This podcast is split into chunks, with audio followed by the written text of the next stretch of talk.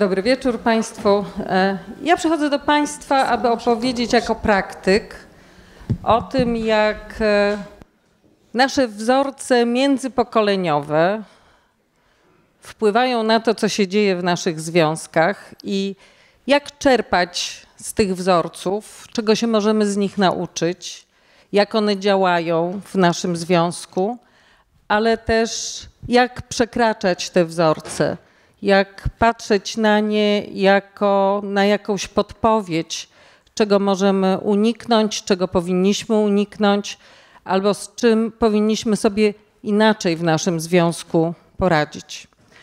Będę do Państwa mówić z perspektywy podejścia systemowego oraz z perspektywy podejścia, które mówi o skryptach międzypokoleniowych i o tym, że te skrypty międzypokoleniowe nosimy w sobie bardzo często w ogóle nie wiedząc o tym, że pewne nasze zachowania, pewne nasze założenia mamy ze względu na to, że coś robili pradziadkowie, że w jakiś sposób nasze rodziny, wcześniejsze pokolenia rozwiązywały sytuacje trudne i nie musimy znać ludzi z pokoleń wcześniejszych, żeby czasami w sobie nosić jakąś misję, którą oni zapoczątkowali, jakieś założenie, które oni zapoczątkowali, bo ono wtedy, kiedy to się działo, miało swój sens, ale nie zawsze ma sens w życiu pokoleń późniejszych, czasami też w naszym życiu. Bardzo dużo pracuję z parami w terapii par, ale też pracuję z parami w sensie takim rozwojowym. Coraz więcej młodych ludzi, którzy są przed decyzją być ze sobą, pójść dalej w swoją drogę razem, albo może się rozstać, pojawiają się i zadają takie pytanie, czy możemy razem przeanalizować to, jakie mamy wzorce z naszych rodzin pochodzenia, abyśmy mogli lepiej siebie zrozumieć. I to jest bardzo ważny punkt wyjścia dlatego że przychodzimy i wchodzimy w związek ze swoimi historiami, ze swoją historią indywidualną, ale też z tymi historiami, które stoją za nami i które będą oddziaływać na nasz związek. I aby zrozumieć drugą osobę, czasami trzeba wyjść w patrzeniu na nią spoza perspektywy tylko indywidualnej i zrozumieć partnera, partnerkę z perspektywy szerszego kontekstu, kontekstu historii rodziny. Ta perspektywa widzenia systemowego zwalnia z winy. Ona jest tak bardzo potrzebna w naszych związkach, ponieważ pokazuje, że to, co się dzieje między nami, to, co ty wnosisz w nasz związek, to, co ja wnoszę w nasz związek, nie wynika ze złej intencji. Paradoksem związków jest to, że wiążemy się z ludźmi, bo chcemy dobrze, bo chcemy zaspokoić potrzebę bezpieczeństwa, potrzebę znaczenia, potrzebę akceptacji. Chcemy miłości i po to wiążemy się z innymi ludźmi, tym bardziej, że mamy ten wiek, w którym nikt nikogo nie przymusza do związków, nikt nam nie wybiera partnera. Ale co takiego się dzieje, że jednak wybierając się wzajemnie, nie zawsze przeżywamy tę miłość? Nie zawsze jest dobrze, nie zawsze możemy się skomunikować. Czy to wynika ze złej intencji tej drugiej osoby? Tak bardzo często nie jest. Wchodzimy z pozytywną intencją, wchodzimy chcąc jakiegoś dobra, chcąc inaczej, chcąc zmienić być może historię tych pokoleń, które były przed nami. Ale będąc pod wpływem różnego rodzaju wzorców, które mają charakter działań automatycznych, często nieświadomych, nie zawsze nam to bycie razem wychodzi. Więc dobrze jest czasami popatrzeć na partnera jako na osobę, która nie tyle działa ze złej intencji, ale uruchamia w naszym związku te wzorce, które są najbardziej osadzone w nim, czyli te wzorce, które najsilniej zostały przekazane z pokoleń wcześniejszych. I aby zrozumieć, partnerzy powinni poszerzyć wizję siebie samych. Nie tylko na pytanie, jaki ty jesteś, ale odpowiadając sobie na pytanie, jaka jest historia za tobą, co niesiesz, co najszybciej uruchamiasz i jak my wspólnie możemy albo z tego wzorca skorzystać, albo możemy ten wzorzec przetransponować. Zauważyłam, że duża część młodych ludzi, zanim wejdą w taką decyzję, żeby się ze sobą związać, rozmawiają bardzo dużo o tym, jaki chcą stworzyć związek. I albo chcemy stworzyć związek, który powiela to, co e, działo się w naszych rodzinach pochodzenia, albo też myślimy o tym, żeby stworzyć związek, który jest inny, różny, który będzie jakby taką transgresją tego, co się działo w naszych rodzinach pokolenia, przed, po, pokolenia wcześniej. Ale rozmawianie o związku nie jest tym samym. Kiedy decydujemy się na bycie razem, to powstaje coś, czego nie jesteśmy kompletnie w stanie przewidzieć w tym momencie, kiedy rozmawiamy o byciu razem. Czyli kiedy ludzie wiążą się ze sobą, to związek nie jest sumą cech dwojga ludzi, tylko jest czymś więcej. Jest relacją, która jest między tymi ludźmi. To jest coś bardzo ważnego, bo na związek nie złożą się tylko moje cechy i Twoje cechy, ale właśnie na związek złoży się to, co my w ten związek włożymy, co się stanie w dynamice między nami, co się stanie w tym, jaka ja jestem i jaki ty jesteś, ale nie w sumie połączenia tych cech, ale w tym, co wytworzy się między nami. Karl Gustav Jung mówił o tym, że związek jest trochę podobny do substancji chemicznej, że wymieszanie dwóch czynników daje jakąś substancję w efekcie. W związku z tym możemy powiedzieć, że to, co jest bardzo ważne w naszym myśleniu o tworzeniu związku, to jest to, że podstawową jednostką związku jest relacja. A to, jak ją stworzymy, między innymi ma swoje odniesienie w tym, jakich relacji uczyliśmy się w naszych rodzinach. Można powiedzieć, że e, poznajemy się, ale tak naprawdę prawdziwe nasze oblicze zobaczymy wtedy, kiedy zaczniemy ze sobą żyć. E, Eric Bern, twórca analizy transakcyjnej, mówił o tym, pokaż mi swoich dziadków, a powiem ci, jaki jesteś. E, nasi dziadkowie bardzo często stanowią dla nas punkt odniesienia. Nie tyle tylko rodzice, ale dziadkowie, ze względu na to, że nasi rodzice mieli swoich rodziców i jako działające pokolenia po sobie, rodzice się zbuntowali wobec dziadków. Więc my, buntując się wobec rodziców, istnieje duże prawdopodobieństwo, że zaprezentujemy wzorce podobne do tych, które są związane z dziadkami. Stąd też bardzo wiele osób mówi o tym, że często nie znając dziadków, słyszą takie komentarze. Jesteś podobna do swojej babci, zachowujesz się podobnie jak babcia, zupełnie jak dziadek mówisz.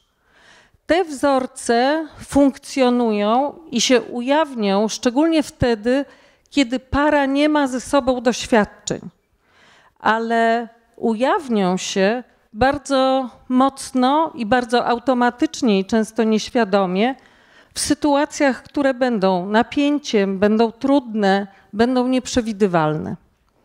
I jakie to mogą być wzorce? Każda rodzina ma swoją strukturę i każda rodzina, możemy powiedzieć, ma swoją hierarchię i w każdej rodzinie są role. Tych ról uczymy się, będąc w naszej rodzinie pochodzenia. Są role ważniejsze, są role mniej ważne, są role związane z rolą rodzicielską, z rolą dziecka, ale też w rodzinach są role, w których jest więcej odpowiedzialności, są role, w których jest mniej odpowiedzialności. I teraz, jak spotykamy się z drugą osobą, to spotykamy się z jakąś tendencją do przyjmowania roli w naszej rodzinie pochodzenia. Do takiej roli, która była wtedy pożądana ze względu na adaptację rodziny do warunków, w których żyła. I najczęściej w sytuacjach nagłych, w sytuacjach stresujących te role uaktywnimy.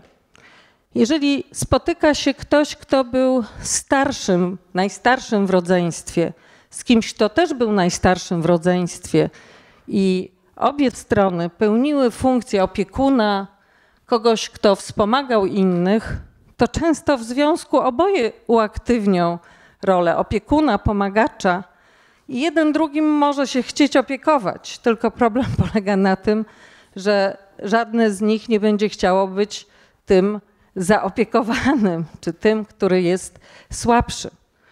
Możemy też uaktywniać takie wzorce, które są związane ze strukturą emocjonalną rodziny, czyli pochodząc z różnych rodzin, możemy mieć doświadczenia tego, że w naszej rodzinie wszyscy o wszystkim rozmawiali, że nie było tajemnic, że wręcz przeciwnie, jak był jakiś problem, to mama się pytała, tato się pytał, a potem wszyscy w kuchni siedzieli i rozmawiali na temat tego, jak tutaj ten problem rozwiązać. Ale jeżeli spotykam się z osobą, która ma inne doświadczenia, która pochodzi z rodziny, w której granice były sztywne, w której granice były na tyle sztywne, że nawet członkowie rodziny nie za dobrze wiedzieli, co kto robi czym się zajmuje. A jak ktoś do nich przychodził do domu i się pytał, czy jest mama w domu, to dzieci mówiły, zaraz muszę iść sprawdzić, bo nie wiem, czy mama jest.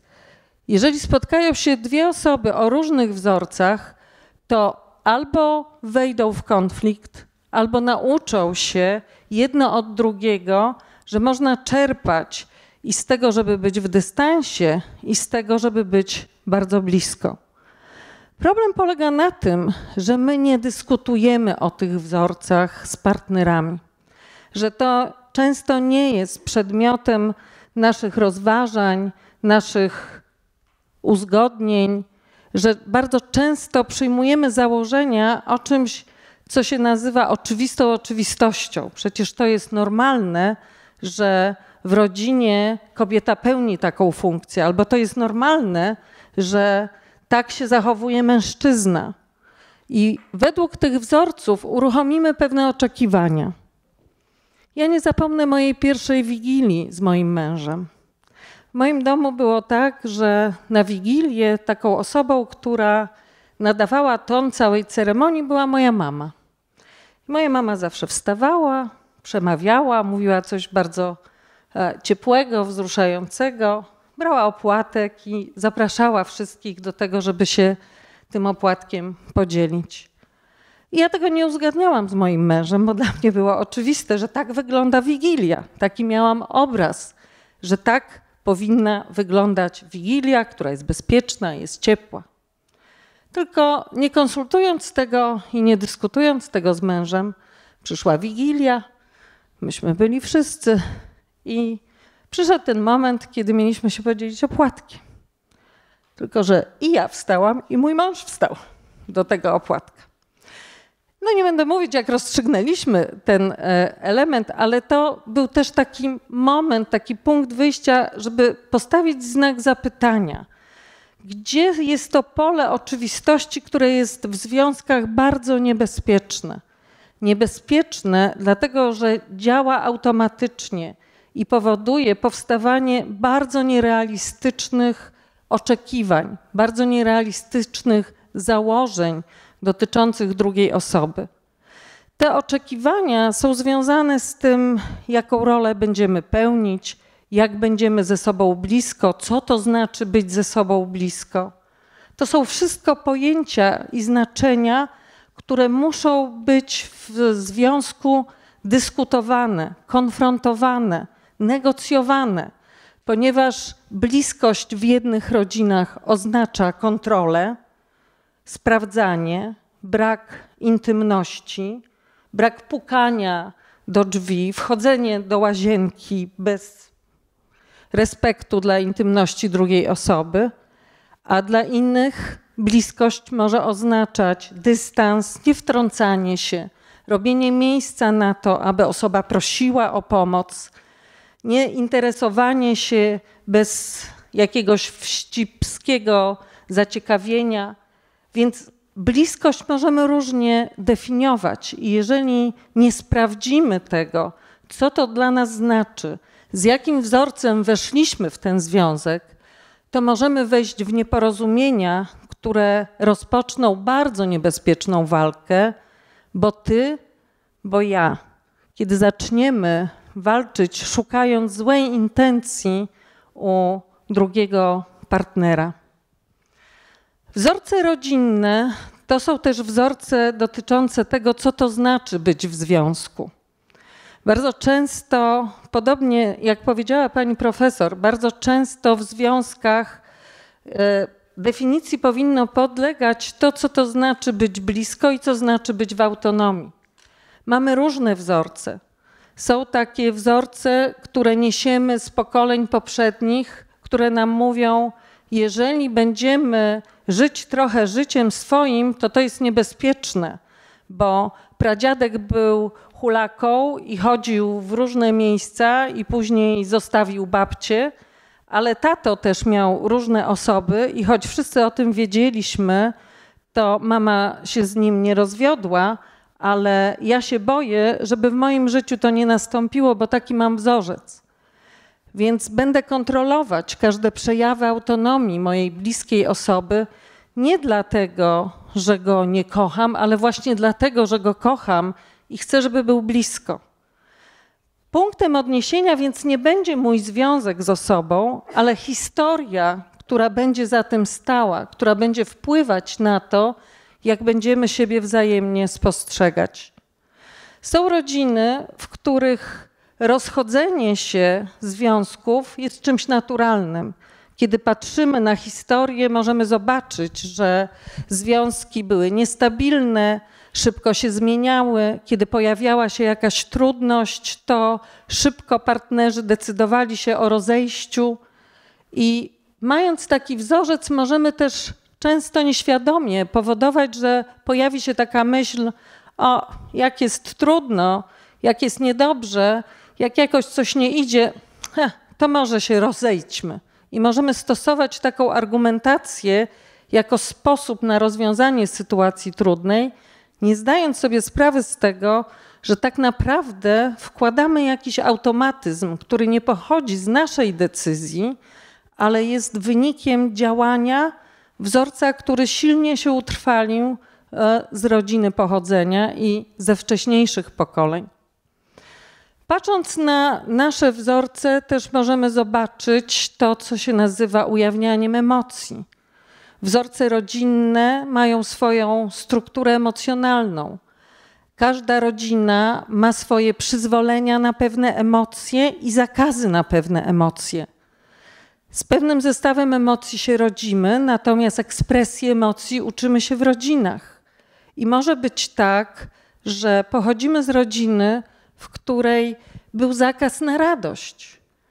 Kiedy się ktoś cieszył, kiedy ktoś ujawniał jakąś swobodę, spontaniczność, dostawał komunikat: Co się tak cieszysz? A lekcję odrobiłaś? A posprzątałaś swój pokój? A co tak się cieszysz? Nie chwal dnia przed zachodem słońca. I możemy wyjść z takim wzorcem, że cieszenie się może zapowiedzieć coś niebezpiecznego. Istnieją też takie rodziny, w których mówi się o tym, że smutek jest zagrażający. Czasami niepokoimy się, że ktoś jest smutny, więc w rodzinach może istnieć jakiś niepokój, jakieś napięcie związane ze smutkiem. Więc nie ujawnimy smutku. Może zamiast smutku ujawnimy złość. Może nam łapie, łatwiej będzie wejść w energetyczną złość niż pokazywać smutek. Wtedy wchodząc takim wzorcem do swojego związku, może jest nam trudno powiedzieć o tym, że czegoś nam brakuje, że z jakiegoś powodu jesteśmy smutni, że trudno jest nam sobie z czymś poradzić. Ale nie dlatego, że nie chcemy tego, tylko dlatego, że silnie bardzo działają zakazy i nakazy z pokoleń wcześniejszych. To, co jest bardzo więc ważne, to to, aby wchodząc w swój związek ze swoim partnerem, ze swoją decyzją na bycie w tym związku, abyśmy byli świadomi, że wpierw musimy się uporać z zamknięciem procesu separacji od naszej rodziny pochodzenia, zamknięciem tego, co jest związane z przejściem już na inny etap, kiedy pierwszą figurą, pierwszą ważną postacią staje się dla nas partner, a nie osoby z rodziny pochodzenia. Czyli to zadanie, które jest bardzo podstawowe dla każdego związku, to jest to, aby związek stworzył swoje własne granice, aby w związku obie osoby miały jasność, że my jesteśmy na pierwszej pozycji, a obok nas stają nasze rodziny. Wiele osób, e, które e, konsultuję, też e, wiem to ze swojego doświadczenia, bywa czasami tak, że kiedy pojawia się postać rodzicielska, nawet w naszym dorosłym życiu, kiedy już mamy swój związek, pojawia się mama czy tato, to wiele osób mówi: Zaczynam się zachowywać zupełnie, jakbym była bardziej córką mojej mamy czy synem mojej mamy, niż partnerem e, dla drugiego partnera. Tak się dzieje wtedy, kiedy jeszcze coś nas ściąga, kiedy jeszcze mamy jakieś więzy lojalnościowe wobec naszych rodziców, kiedy mamy jakieś poczucia winy, które są niezamknięte, kiedy jeszcze jesteśmy w tych rolach, które nie zakończyły się, mimo iż weszliśmy w związki nowe. To więc jest bardzo ważne, aby wspólnie z partnerem tworzyć te granice nie po to, żeby odcinać rodziny pochodzenia, ale po to, żeby dać poczucie bezpieczeństwa, że ty jesteś dla mnie najważniejszy i że ja jestem też dla ciebie najważniejsza. Oczywiście rodziców nie zmienimy. Nasi rodzice mieli też swoich rodziców, ci rodzice mieli swoich rodziców, więc nasi rodzice mogą się zachowywać w określony sposób. Ale my możemy już tworzyć nową jakość, możemy stworzyć inne zachowania wspólnie, bo czasami w pojedynkę jest nam trudno sobie z tym poradzić. Kiedy przychodzi mama i zaczyna przedstawiać w kuchni córki różne rzeczy i mówi: No, co ty robisz z tą kuchnią? Jak ty to tutaj urządziłaś? Gdzie ty masz ziemniaki? A w ogóle gdzie sól i pieprz? Dlaczego nie na pierwszym miejscu tutaj stoją? To czasami może córce być trudno zareagować na tak stawiającą sprawę matkę, ale ważne jest, żeby dołączył partner, żeby partner stworzył też razem z partnerką tę granicę, w której powie: Ale wiesz, mamo, nam jest dobrze w tej kuchni. My się tutaj rozeznajemy. Cieszę się, że się martwisz o naszą kuchnię, ale to jest coś, co myśmy stworzyli. Te granice chronią więc przed wpływem czegoś, co nie jest dynamiką ze związku, a co jest dynamiką z wcześniejszych relacji, które będą mocno wkraczać w związek i będą poddawać związek różnego rodzaju próbom. Te wzorce też e, bardzo często napotkamy w różnych sytuacjach celebrujących różne okazje. E, nie bez powodu tak jest, że przed świętami Bożego Narodzenia e, w poradniach psychologicznych u psychoterapeutów jest dużo osób. Pojawia się wiele osób na jednorazową często konsultację. Po co? Po to, że ludzie przychodzą z pytaniem, jak mam sobie poradzić w czasie tych świąt bo przyjdzie ciocia, będzie moja babcia, będzie wujek, będzie ojciec ojca i zadadzą takie pytania, których ja nie chcę, a które są pytaniami, które się ciągną właśnie z jakichś założeń, z jakichś wzorców z pokoleń wcześniejszych. I kiedy pojawiamy się na takim spotkaniu i nam się wydaje, że żyjemy już swoim życiem, czasami może coś nas zahaczyć, zaczepić. No jak tam? A kiedy ciąża? A czy już wybrałaś swój zawód, bo tak już pięć lat studiujesz i nie wiadomo co z tobą? To mogą być te sytuacje, w których powrócą te stare wzorce po to, żeby zaprosić nas z powrotem do systemu rodziny, pochodzenia, bo im bardziej się od niego oddalimy, tym bardziej one mogą działać, ponieważ członkowie naszej rodziny mogą czuć, że się odłączamy, że jesteśmy już inni. Możemy słyszeć komentarze: Zmieniłaś się od czasu, kiedy jesteś z Karolem. Taka byłaś dobra córka, taka byłaś rozumiejąca. A teraz, nie wiem, coś się z tobą stało. Ja ci mówię o problemie, a ty mówisz, czy czegoś ode mnie oczekujesz? Tak jest, że im bardziej stajemy się autonomiczni, tym bardziej szukamy siebie, tym więcej odnajdujemy odpowiedzi na pytania, jak być, kim być i jak żyć. Ale im silniejsze są wzorce z naszych rodzin pochodzenia, tym bardziej odczujemy oddziaływanie, które będzie nas ściągać do zachowań z tego, co było, zanim weszliśmy w związek. Związek więc ma bardzo poważne zadanie na początku powstania tego związku, czyli poradzić sobie z tym, co wnosimy do związku, ale też dać sobie przestrzeń wzajemnie na rozumienie, a nie na ocenianie się. Na rozumienie tego, że ty uruchamiasz to, czego się najbardziej nauczyłeś w swojej rodzinie. Ja uruchamiam to, co działało w mojej rodzinie.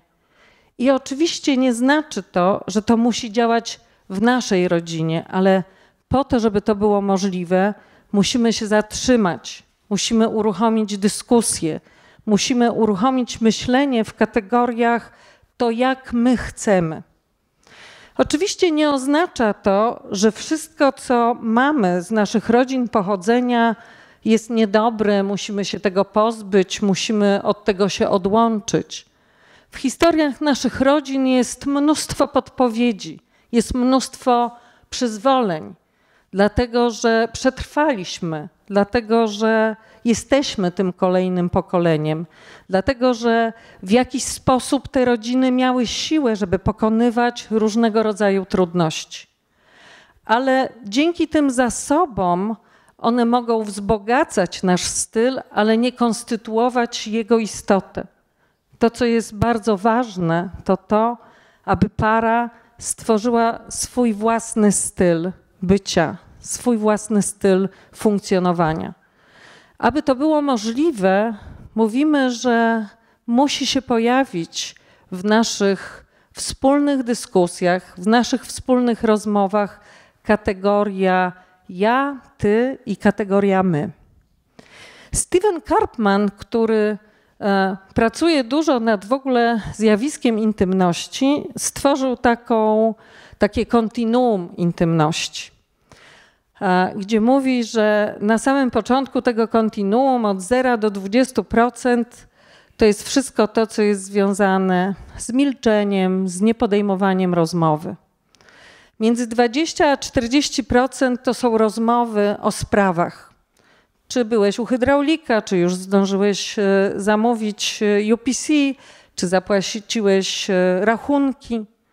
Między 40 a 60 są rozmowy na temat ludzi, idei. A wiesz, ta z trzeciego piętra to ostatnio przyjechało pogotowie i ją zabrało. A pamiętasz Józka, który z nami kiedyś był na wakacjach, to jemu dziecko mocno zachorowało, jest w szpitalu. Rozmawiamy o różnych rzeczach, ale według Karpmana intymność to jest to przejście między 60 a 80 i 80 a 100, kiedy mówimy o sobie, kiedy mówimy ja i ty, kiedy się dzielimy, kiedy ja mówię tobie to, co mi się wydaje ważne, abyś zrozumiał, abyś budował ten nasz związek, ale ty mi też o tym opowiadasz.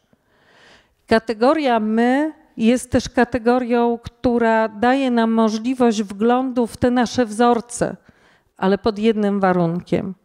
Kiedy się dzielimy tą wiedzą, kiedy się dzielimy tym, co myślimy, że jest ważne dla naszego związku, kiedy ci mówię, wiesz, zazdroszczę ci, że potrafisz tak ujawniać emocje, zazdroszczę ci, bo ja nie potrafię, ale chcesz, żebyś wiedział czy wiedziała, że nie potrafię, ale nie dlatego, że nie chcę, ale nie miałam się gdzie nauczyć. I warunkiem tej intymności jest to, że druga strona po drugiej stronie będzie responsywna, będzie otwarta na przyjęcie tego, nie będzie z tym dyskutować. Intymność w kategorii my buduje się wtedy, kiedy możemy otwarcie powiedzieć o tym, co mamy, czego nie mamy, czego chcemy się nauczyć, co chcemy porzucić, ale wtedy tylko, kiedy to, o czym mówimy, nie będzie przez żadne z nas wykorzystane przeciwko w momencie kłótni czy w momencie jakiegoś dużego napięcia, które między nami powstanie. To, czy będziemy przesuwać się na tym kontinuum intymności, początkowo zależy od tego, z jakim punktem wyjścia, z jakim wzorcem wejdziemy w relacje, o czym będziemy potrafili mówić. Ale by budować tę intymność, potrzebna jest nie tylko cierpliwość, ale podstawowy warunek dla związku, dla miłości akceptacja.